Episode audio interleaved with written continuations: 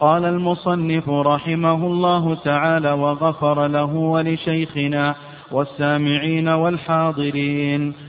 ثم يرفع رأسه ويديه قائلا إمام ومنفرد سمع الله لمن حمده وبعد قيامهما ربنا ولك الحمد ملء السماء وملء الأرض وملء ما شئت من شيء بعد ومأموم في رفعه ربنا ولك الحمد فقط. ثم يخر مكبرا ساجدا على سبعة أعضاء رجليه ثم ركبتيه ثم يديه ثم جبهته مع أنفه. ولو مع حائل ليس من أعضاء سجوده ويجافي عضديه عن جنبيه وبطنه عن فخذيه ويفرق ركبتيه ويقول سبحان ربي الأعلى ثم يرفع رأسه مكبرا. ويجلس مفترشا يسراه ناصبا يمناه ويقول رب اغفر لي ويسجد الثانية كالأولى ثم يرفع مكبرا ناهضا على صدور قدميه معتمدا على ركبتيه إن سهل ويصلي الثانية كذلك ما عدا التحريم والاستفتاح والتعوذ وتجديد النية. تقدم لنا في الدرس السابق جملة من صفة الصلاة. وذكرنا من ذلك ما يشرع قراءته في الصلوات المفروضة وأن الفجر يشرع أن يقرأ فيها من سواء فصل غالبا كالطور والواقعة ونحو ذلك من السور. وأن الظهر وأنه يقصر كما تقدم بيانه في بعض الأحيان وأما الظهر فتارة يقرأ بطوال فصل وتارة يقرأ بأواسطه وذكرنا دليل ذلك. وأما العصر والعشاء فإنه يقرأ بأواسط فصل وأما المغرب فالهدي الغالب أن يقرأ فيه بقصار مفصل. ويطيل في بعض الأحيان كما ثبت السنة بقراءة وسلم بالمرسلات والطور والأعراف إلى آخره كما تقدم بيانه. ثم بعد ذلك تكلمنا عن الركوع وأن الركوع ينقسم إلى قسمين. القسم الأول ركوع مجزئ كيفما ركع والقسم الثاني ركوع كامل وذكرنا صفته. يقول المؤلف رحمه الله تعالى ثم يرفع رأسه ويديه قائلا إمام ومنفرد سمع الله لمن حمده. آه، تقدم أن الركوع يقال يقال فيه سبحان ربي العظيم. وسيأتينا إن شاء الله أن التسبيح أو أن قول سبحان ربي العظيم أنه واجب. من واجبات الصلاة كما هو المشهور من مذهب الإمام أحمد رحمه الله تعالى. وقول سبحان ربي العظيم دل له حديث حذيفة رضي الله تعالى عنه. وهناك أذكار أخرى ينبغي للمصلي أن يأتي بهذه الأذكار لقول النبي صلى الله عليه وسلم وأما الركوع فعظموا فيه الرب. وقد جاء عن النبي صلى الله عليه وسلم جملة من الأذكار. ينبغي للمصلي وخصوصا طالب العلم أن يحفظ هذه الأذكار وأن يرددها في ركوعه. كقول سبوح قدوس رب الملائكة والروح كما جاء في صحيح مسلم. وأيضا قول سبحانك اللهم ربنا وبحمدك اللهم اغفر لي كما في الصحيحين. وأيضا قول سبحان ذي الجبروت والملكوت والعظمة. وأيضا قول اللهم اللهم لك ركعت وبك آمنت ولك أسلمت. خشع لك سمعي وبصري ومخي وعظمي وعصبي وما استقل به قدمي كما جاء في صحيح مسلم. فهذه الأذكار ينبغي المصلي كما ذكرنا خصوصا طالب العلم أن يلم بها وأن يحفظها. وقد يقوم الإنسان في الليل يصلي فيأتي بمثل هذه الأذكار. يقول المؤلف ثم يرفع رأسه ويديه قائلا إمام ومنفرد سمع الله لمن حمده. قال المؤلف يديه يرفع يديه. هذا هو الموضع الثاني أو هذا الموضع الثالث من المواضع الذي ترفع فيه الأيدي وهو عند الرفع من الركوع. عند الرفع من الركوع يرفع يديه. وهذا ما عليه جمهور أهل العلم رحمهم الله تعالى خلافا للحنفية فإن الحنفية كما سلف لا يرون رفع الأيدي إلا عند تكبيرة الإحرام. والصواب في ذلك ما ذهب إليه جمهور العلماء رحمهم الله لحديث ابن عمر رضي الله تعالى عنه فإنه عدد في الصحيحين ثلاث مواضع عند تكبيرة الإحرام وعند الركوع وعند الرفع من الركوع. وأما نعم.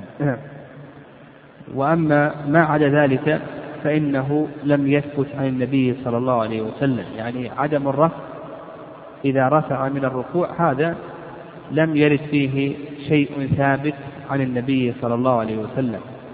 قال ثم يرفع رأسه ويديه قائلا إمام ومنفرد سمع الله لمن حمده. يعني أن الإمام والمنفرد يقولان سمع الله لمن حمده. فيجمعان بين التسميع وبين التحميد. وأما المأموم فإنه لا يجمع بين التسميع والتحميد وإنما يقتصر على قول ربنا ولك الحمد.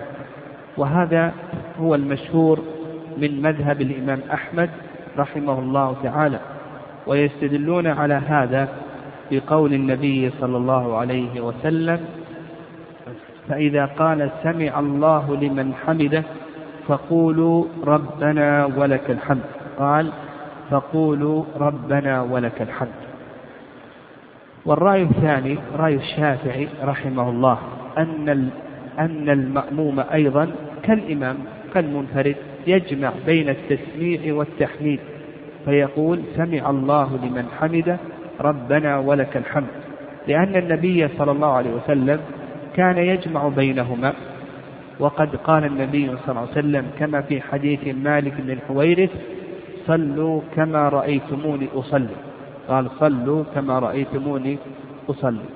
والذي يظهر والله أعلم هو ما ذهب إليه الإمام أحمد رحمه الله وأن المأموم لا يجمع بينهما لأن الحديث فقولوا ربنا ولك الحمد. جعل قوله فقولوا ربنا ولك الحمد مقابلة لقول سمع الله لمن حمده. فإذا قال سمع الله لمن حمده فقولوا ربنا ولك الحمد. جعلها مقابلة. دل ذلك على أنه لا يجمع بينهم. فجعل الإمام يقول سبحان سمع الله لمن حمده يقابل ذلك المأموم يقول ربنا ولك الحمد. وأما حديث مالك بن الحويرث وهو أن النبي صلى الله عليه وسلم قال صلوا كما رأيتموني أصلي. فنقول هذا صحيح. يصلي كما صلى النبي صلى الله عليه وسلم ما لم يرد ما لم يرد قول أو فعل اختص به الإمام والإمام قد يختص ببعض ببعض أعمال الصلاة يعني قد يختص ببعض أعمال الصلاة. فيكون هنا مخصص يعني يكون هنا مخصص. نعم. قال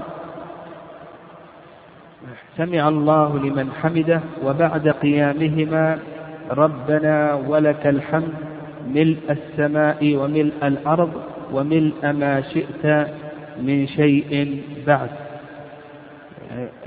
أيضا يقولان ربنا ولك الحمد ملء السماوات وملء ملء السماء وملء الأرض وملء ما شئت من شيء بعد. وغير ذلك من الأذكار التي سنشير إلى شيء منها مما ورد مشروعيته بعد الرفع بعد الرفع من الركوع. وقوله ملء السماء وملء الأرض وملء ما شئت من شيء بعد.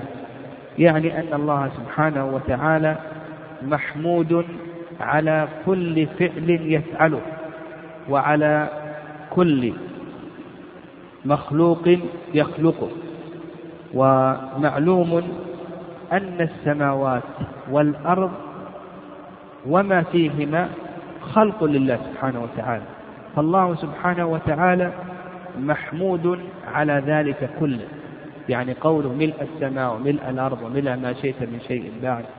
أن الله سبحانه وتعالى محمود على كل فعل يفعله وعلى كل خلق يخلقه والسماوات والأرض وما فيها خلق لله سبحانه وتعالى. والله سبحانه وتعالى محمود على ذلك على ذلك كله فيكون الحمد حينئذ مالئا للسماء ومالئا للأرض ومالئا لما بين السماء والأرض. قال ومأموم في رفعه ربنا ولك الحمد. يعني الإمام يقول ملء السماء وملء الأرض وملء ما شئت من شيء بعد وكذلك أيضا المنفرد. وأما بالنسبة للمأموم فإنه يقتصر على قول ربنا ولك الحمد.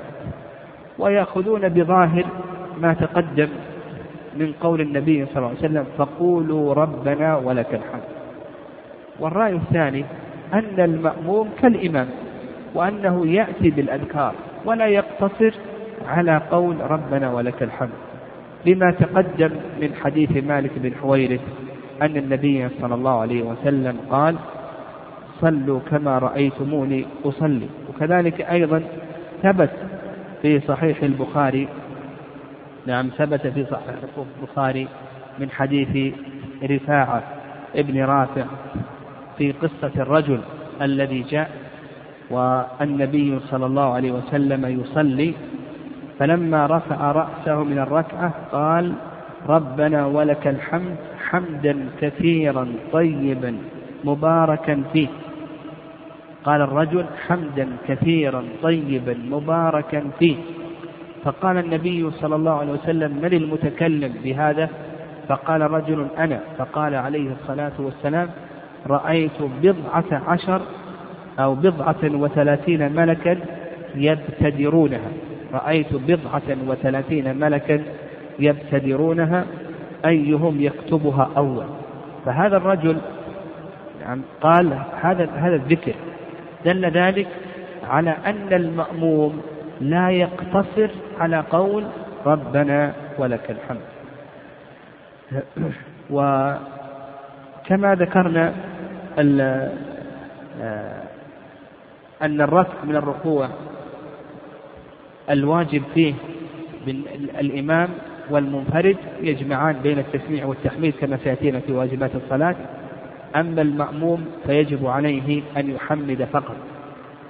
ما عدا ذلك فإنه سنة. يعني لو أتى به فهذا أفضل. كما سبق أن نشرنا أن السنة أن تكون أفعال الصلاة الأربعة متناسقة. الركوع فالرفع فالسجود فالجلسة بين السجدتين هذه تكون متقاربة. وعلى هذا يقول ربنا ولك الحمد ويزيد. نعم يزيد مما جاءت به السنة وكما أشار المؤلف رحمه الله يقول ربنا ولك الحمد ملء السماوات وملء الأرض وملء ما شئت من شيء بعد أهل الثناء والمجد أحق ما قال عبد أو حق ما قال العبد وكلنا لك عبد اللهم لا مانع لما أعطيت ولا معطي لما منعت ولا ينفع ذا الجد منك الجد. وأيضا من الأذكار الواردة كما تقدم في حديث رفاعة بن رافع الحمد لله حمدا كثيرا طيبا مباركا فيه. حمدا كثيرا طيبا مباركا فيه. وأيضا من الأذكار وخصوصا إذا قام بصلاة الليل. يعني قام إلى صلاة الليل سيطيل الركوع ويطيل الرفع من الركوع. يقول لربي الحمد لربي الحمد لربي الحمد. يكرر ذلك. لربي الحمد لربي الحمد. يكرر ذلك يعني كما في سنن أبي داود وسنن النسائي. نعم. قال ومأموم في رفعه ربنا ولك الحمد. التحميد ورد له في السنة أربع صفات. يعني ورد له في السنة أربع صفات. الصفة الأولى أن يجمع بين اللهم والواو يقول اللهم ربنا ولك الحمد. الصفة الثانية أن يجرد التحميد من اللهم والواو يقول ربنا لك الحمد. الصفة الثالثة أن يقتصر على قول اللهم والصفة والصفة الرابعة الصفة الرابعة أن يقتصر على الواو. يقول ربنا ولك الحمد. فهذه أربع صفات وكما أشرنا فيما تقدم كما سلف فيما تقدم أن يعني كما سلف فيما تقدم أن العبادات الواردة على وجوه متنوعة يشرع أن يأتي بهذا تارة وبهذا تارة كما هو كلام شيخ الإسلام تيمية رحمه الله. قال ثم يخر مكبرا. يعني إذا انتهى من الاعتدال وذكر الله عز وجل فإنه يخر مكبرا. ولم يذكر المؤلف رحمه الله تعالى أنه يرفع يديه عند الخروج للسجود لم يذكر أنه يرفع يديه. وهذه المسألة موضع خلاف بين أهل العلم رحمهم الله. هل يرفع يديه عند السجود أو لا؟ جمهور العلماء أنه لا يرفع يديه. يعني جمهور العلماء أنه لا يرفع يديه. قد دلت السنة على أنه يرفع الأيدي في ثلاث مواضع. هذا في الصحيحين. والموضع الرابع هذا في البخاري إذا قام من التشهد الأول كما سيأتينا. هذه أربعة مواضع ثابتة ثلاثة في الصحيحين والرابع في البخاري. طيب بقينا في بقية المواضع. هل يرفع يديه عند السجود عند الرفع إلى آخره؟ هذا موضع خلاف بين أهل العلم. جمهور أهل العلم أنه لا يرفع. والرأي الثاني رواية عن الإمام أحمد رحمه الله تعالى وبه قال ابن المنذر وبعض السلف أنه يرفع عند السجود.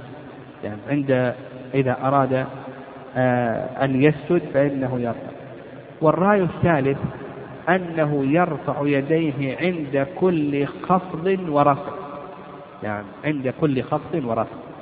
أما الجمهور الذين قالوا بأنه لا يرفع فقد استدلوا بحديث ابن عمر.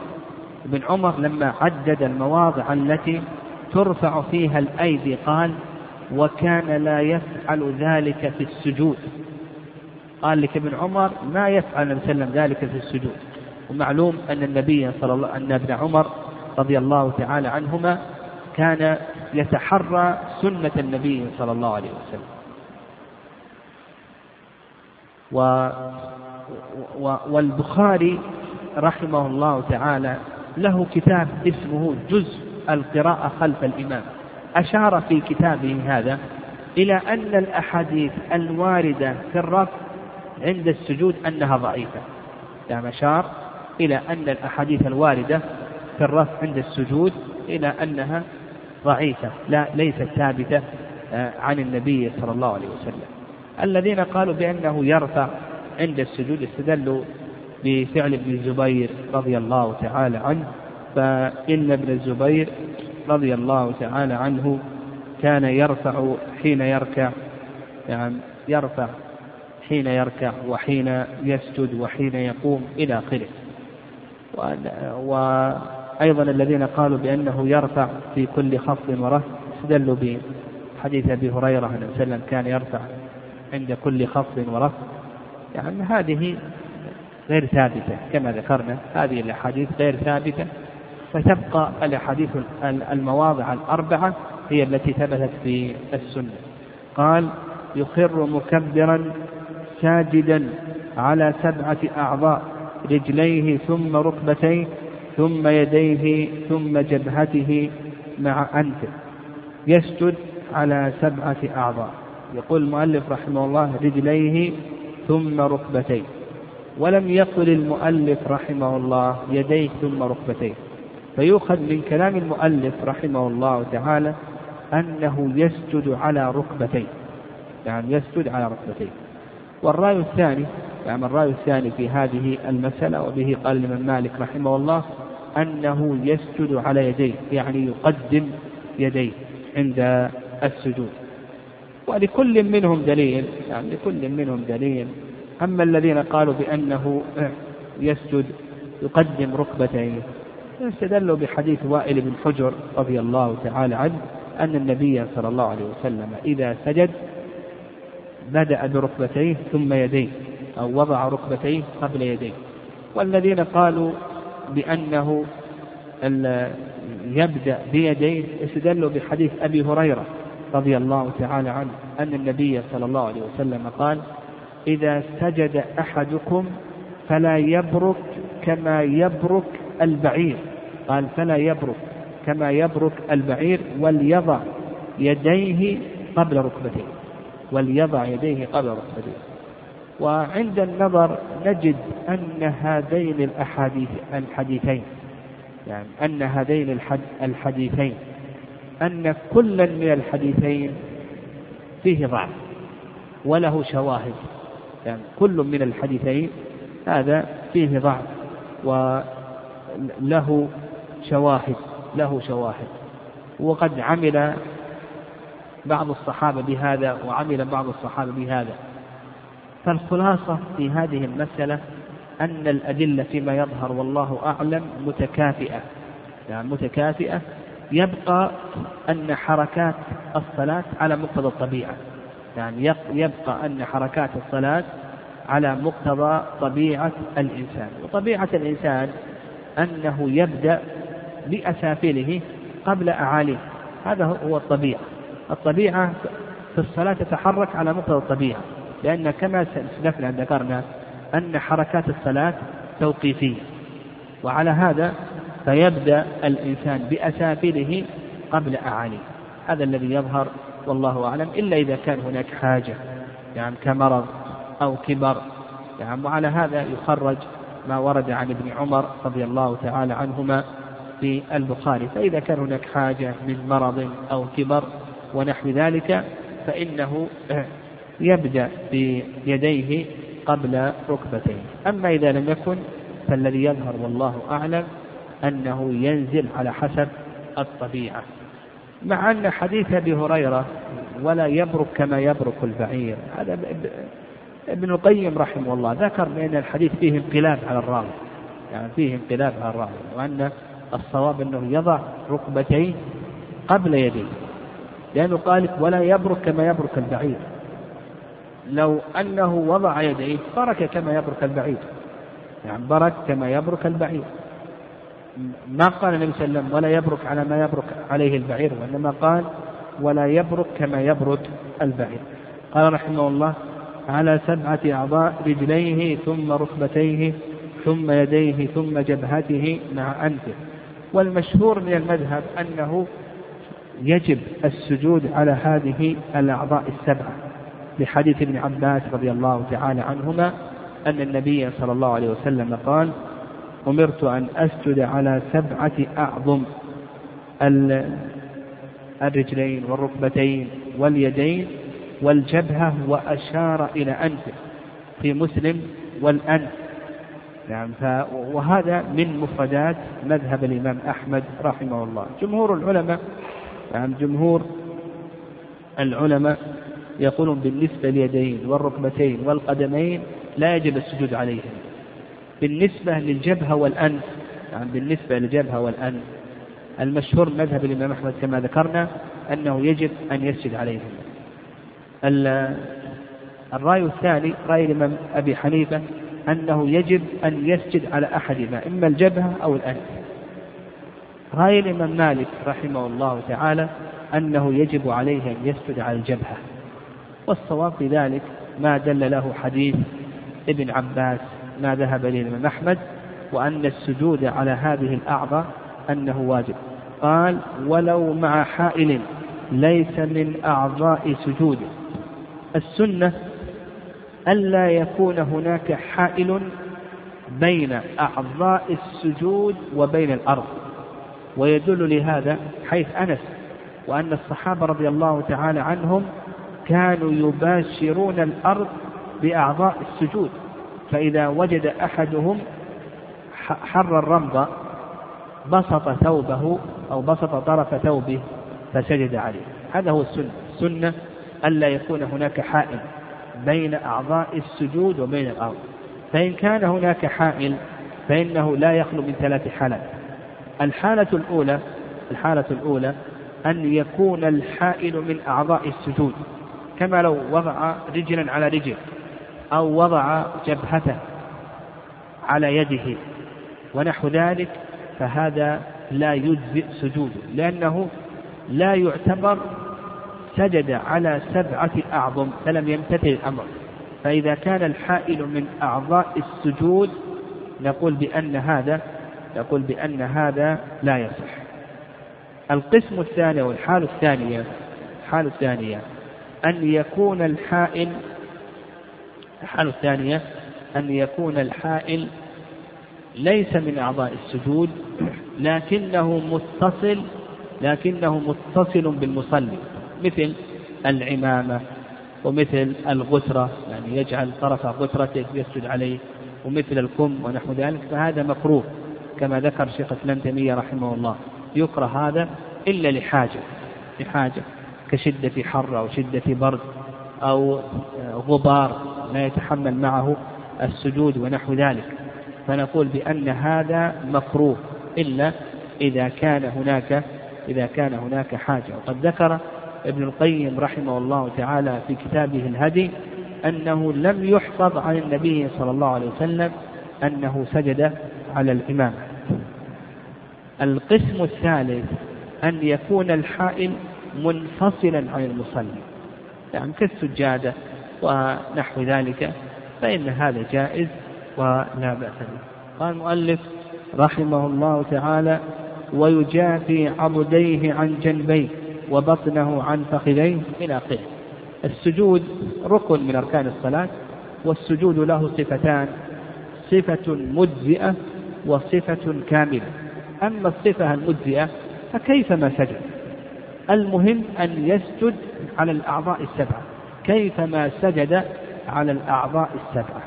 أما الصفة الكاملة فبينها المؤلف رحمه الله قال لك يجافي عضديه عن جنبيه. لحديث عبد الله بن بحينة أن النبي صلى الله عليه وسلم كان إذا سجد يجنح في سجوده.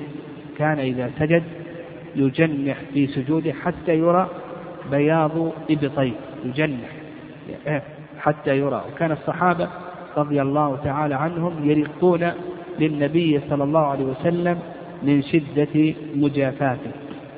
كذلك أيضا في حديث أبي حميد أن النبي صلى الله عليه وسلم كان إذا سجد أمكن جبهته وأنفه من الأرض. قال لك وبطنه عن فخذيه. أيضا لحديث أبي حميد رضي الله تعالى عنه أن النبي صلى الله عليه وسلم كان إذا سجد فرج بين فخذيه غير حامل بطنه على شيء من فخذيه. غير حامل بطنه على شيء من فخذيه قال ويفرق ركبتيه. يعني يفرق ركبتيه. ويدل لهذا قول النبي صلى الله عليه وسلم اعتدلوا في السجود. اعتدلوا في السجود. مقتضى الاعتدال في السجود أن المصلي لا ينكمش بحيث يجعل بطنه على فخذيه وفخذيه على ساقيه ولا يمتد أيضا حتى يقارب حتى يقارب الانبطاح بل يكون معتدلا. لأنه إذا انكمش نعم إذا انكمش في سجوده هذا لم يتمكن من إذا انكمش في سجوده أولا أنه خالف السنة وثانيا أنه لم يتمكن من كثرة السجود. يعني لم يتمكن من كثرة السجود على الأرض. كما سلف أن النبي صلى الله عليه وسلم نهي أن يكف شعرا أو ثوبا لأن هذا لكي. لكي يسجد معه الثوب يسجد معه الشعر. وكذلك أيضا يأخذ مسافة من الأرض يسجد فيها. هذا يكون أكثر تعظيما لله سبحانه وتعالى. وإذا امتد كثيرا هذا لحقته المشقة وأيضا لم يطل في سجوده. فالسنة أن يكون الإنسان معتدلا كما تقدم. قال لك بالنسبة أيضا لرجليه يعني بالنسبة لرجليه المشهور من المذهب أنه يفرق رجليه والذي يظهر في السنة أنه يقارب بين رجليه يقارب بين رجليه يعني ويدل لذلك يدل لذلك حديث عائشة رضي الله تعالى عنها فإنها ذهبت تلتمس النبي صلى الله عليه وسلم في الليل فوقعت يدها على قدميه وهما منصوبتان. آه، بالنسبة لأصابع الرجلين فإنه يثني أصابع الرجلين ويستقبل بها القبلة. يعني يثني أصابع رجليه ويستقبل بأطراف أصابع رجليه القبلة. يعني كما جاء في حديث أبي حميد رضي الله تعالى عنه قال واستقبل بأطراف أصابع رجليه القبلة واستقبل بأطراف أصابع رجليه القبلة في صحيح البخاري. قال ويقول سبحان ربي الأعلى لحديث حذيفة رضي الله تعالى عنه. وسبق أن بينا كم أن المنفرد أمير نفس أمير نفسه وأن المأمور تابع للإمام يذكر الله حتى يرفع الإمام. وأما بالنسبة للإمام فذكرنا كم يسبح أو كم يجلس في السجود أنه يجلس كم من تسبيحة عشر تسبيحات لما دل له حديث سليمان بن آه، لما دل له حديث أبي هريرة رضي الله تعالى عنه في قصة عمر بن عبد العزيز لما حذروا آه، ركوعه وسجوده وإذا هو بقدر عشر تسبيحات. فقال أبو هريرة ما صليت صلاة أشبه صلى الله عليه وسلم من هذا. يعني سبحان ربي الأعلى. ثم يرفع رأسه. أيضا السجود له أذكار.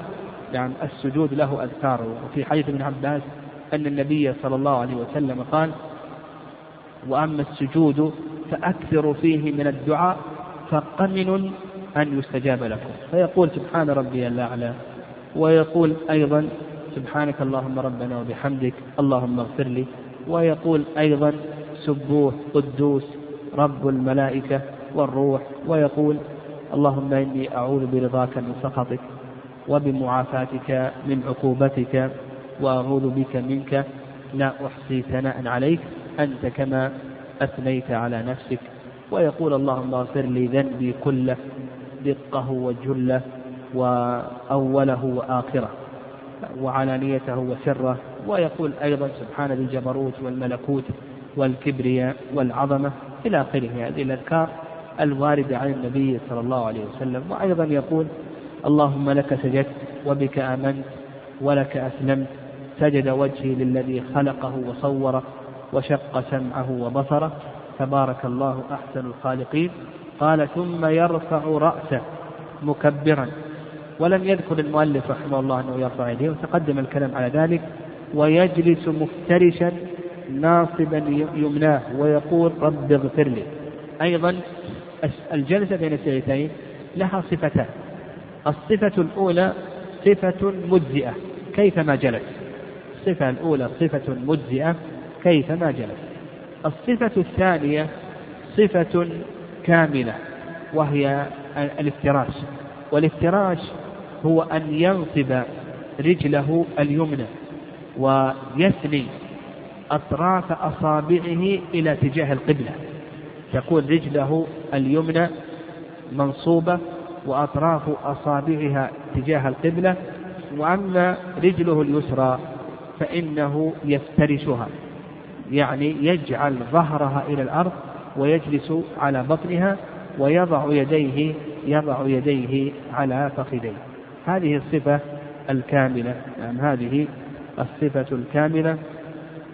و آه، ودل يدل لذلك حديث أبي حميد في صحيح البخاري لما ذكر صفة صلاة النبي صلى الله عليه وسلم قال فإذا جلس في الركعتين جلس على رجله اليسرى ونصب اليمنى. جلس على رجله اليسرى ونصب اليمنى وكذلك أيضا آه، في حديث ابي حميد عند ابن حبان قال وأقبل بالصدر اليمنى على قبلته. وأقبل بالصدر اليمنى على قبلته. وأيضا حيث ابن عمر قال إنما سنة الصلاة أن تنصب رجلك اليمنى وتثني اليسرى رواه البخاري. قال ويقول رب اغفر لي. يعني يقول رب اغفر لي كما جاء في حديث حذيفة كذلك أيضا كما جاء في حديث ابن عباس رب اغفر لي وارحمني واهدني واجبرني وعافني وارزقني. رب اغفر لي وارحمني واهدني واجبرني وعافني وارزقني. وسيأتينا إن شاء الله آه، قدر الواجب وما هو الذكر الواجب. وكما سلف أن قدر الجلسة بين السجدتين تكون قدر السجود. قال ويسجد الثانية كالأولى يعني السجدة الثانية كالأولى ثم يرفع مكبرا ناهضا على صدور قدميه يعني يرفع للثانية. ويفهم من كلام المؤلف رحمه الله تعالى أنه لا يجلس للاستراحة يعني ليس هناك ما يسمى بجلسة الاستراحة. وهذا ما عليه جمهور العلماء رحمهم الله تعالى. والرأي الثاني رأي الشافعي. رحمه الله تعالى وأن جلسة الاستراحة سنة. والرأي الثالث رأي ابن قدامة صاحب المغني أن جلسة الاستراحة تشرع عند الحاجة. بل أرى في ذلك ثلاثة. الرأي الأول أنها لا تشرع والرأي الثاني أنها مشروعة والرأي الثالث أنها تشرع عند الحاجة. ولكل دليل. أما الذين قالوا بأنها ليست مشروعة قالوا بأن أكثر الذين وصفوا صلاة النبي صلى الله عليه وسلم لم يذكروا هذه الجلسة. وكذلك أيضا ورد عن الصحابة يعني كثير من الصحابة آه، آه، ما كانوا يجلسون هذه الجلسة كابن عمر وابن عباس وابن مسعود وابن الزبير وأبي سعيد يعني كثير من الصحابة رضي الله تعالى عنهم ما كانوا يجلسون هذه الجلسة. ابن عمر ابن عباس كذلك أيضا أبو سعيد. وكذلك أيضا ابن الزبير إلى آخره. وكذلك أيضا في حديث أبي حميد أنه قام ولم يتورك. قام ولم يتورك. هذا رواه أبو داود. الذين قالوا بأن الجلسة مشروعة استدلوا بحيث مالك بن حويرث في البخاري. فكان إذا كان في وتر من صلاته لم ينهض حتى يستوي جالسا حيث مالك بن حويرث كان إذا كان في وتر من صلاته. يعني بعد الركعة الأولى إذا أراد أن يقوم للثانية وبعد الركعة الثالثة إذا أراد أن يقوم للرابعة قال لك لم ينهض حتى يستوي حتى يستوي جالسا. وكذلك أيضا قالوا بأنها جاءت في حديث أبي حميد في صفة صلاة النبي صلى الله عليه وسلم. ويظهر والله أعلم يعني الخلاف واسع لكن يظهر والله أعلم أن ما ذكره ابن قدامة رحمه الله وأنه عند الحاجة يحتاج إليها الإنسان فإنه يفعلها لأن مالك بن حويرث رضي الله تعالى عنه لم يقدم على النبي صلى الله عليه وسلم إلا في آخر حياته في آخر حياة النبي صلى الله عليه وسلم والنبي صلى الله عليه وسلم في آخر حياته أخذه اللحم قد قد يحتاج إلى أن يستريح شيئا. ولهذا ذكرت عائشة رضي الله تعالى عنه عنها أنه كان يصلي أحيانا جالسا يعني في آخر حياته كان يصلي في الليل جالسا. فيظهر والله أعلم أنه إذا قيل برأي بن قدامة نعم هذا جيد. قال على معتمدا على ركبتيه إن سهل. يعني أثناء إن احتاج يعتمد على ركبتيه أثناء القيام إن سهل. إذا لم يتمكن واحتاج إلى الأرض فإنه لا بأس أن يحتاج إلى الأرض قال ويصلي الثانية كذلك يعني يصلي الركعة الثانية كالركعة الأولى ما عدا التحريم يعني تكبيرة الإحرام. فتكبيرة الإحرام تكون في الركعة الأولى. هذا الشيء الأول الذي يستثنى. قال والاستفتاح أيضا. الاستفتاح إنما يكون إنما يكون في أول الصلاة. وعلى هذا لو أنه نسي هذا الاستفتاح فإنه لا يشرع له أن يأتي به في الركعة الثانية لأن الاستفتاح هذا ذكر يكون في أول الصلاة فسنة فات محله والتعوذ يعني إذا تعود في الأولى فإنه لا يتعود في الركعة الثانية لأن الاستعاذة كما تقدم الاستعاذة هذه للصلاة للقراءة ليست للصلاة وعلى هذا يكتفي بالإستعاذة في أول ركعة. ولا يستعيذ في الركعة الثانية. لكن لو نسي الاستعاذة في الركعة الأولى فإنه يستعيذ في الركعة الثانية. قال وتجديد النية. يعني فلا يشرع. يعني النية يعني لا تشرع النية إلا في الأولى. يعني عند عند التحريم. يعني عند التحريم. قال ثم يجلس مفترشا ويداه على فخذيه يقبض قنصر يده اليمنى وبنصرها وبنصرها ويحلق إبهامها مع الوسطى. نعم. هنا يجلس للتشهد. بعد أن ينتهي من الركعة الثانية فإنه يجلس للتشهد الأول. والتشهد الأول الجلوس للتشهد للتشهد الأول له صفتان. صفة مجزئة كيفما جلس. نعم صفة مجزئة كيفما جلس؟ والصفة الثانية صفة كاملة وهي صفة الافتراش كما تقدم. نعم صفة الافتراش كما تقدم. هذا بالنسبة للجلوس. بالنسبة لليدين ورد فيهما صفتان. يعني اليدان بالنسبة لوضعهما أين يوضعان؟ لهما صفتان. وأيضا بالنسبة لكيفية اليدين صفتان. فعندنا مكان اليدين له صفتان. كيفية اليدين له صفتان. الصفة الأولى ما ذكرها المؤلف رحمه الله. قال لك ويداه على فخذيه يقبض خنصر يده اليمنى ومنصرها ويحلق إبهامه مع الوسطى ويشير بسبابتها في تشهده. يعني الصفة الأولى يقبض الخنصر والبنصر ويحلق الإبهام مع الوسطى ويشير بالسبابة. وهل يحركها دائما أو يترك التحريك؟ هذا موضع خلاف بين أهل العلم. أو يحركها في مواضع إلى آخره؟ هذا موضع خلاف بين أهل العلم رحمهم الله.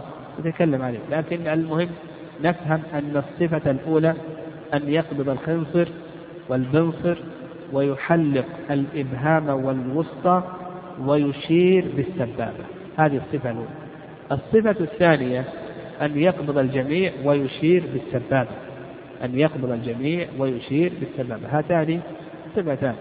كما تقدم نعم كما تقدم أنه يأتي بهذا تارة وبهذا تارة أخرى. يعني يأتي بهذه الكيفية تارة وفي الكيفية الأخرى تارة أخرى كما هو اختيار شيخ الإسلام تيمية رحمه الله.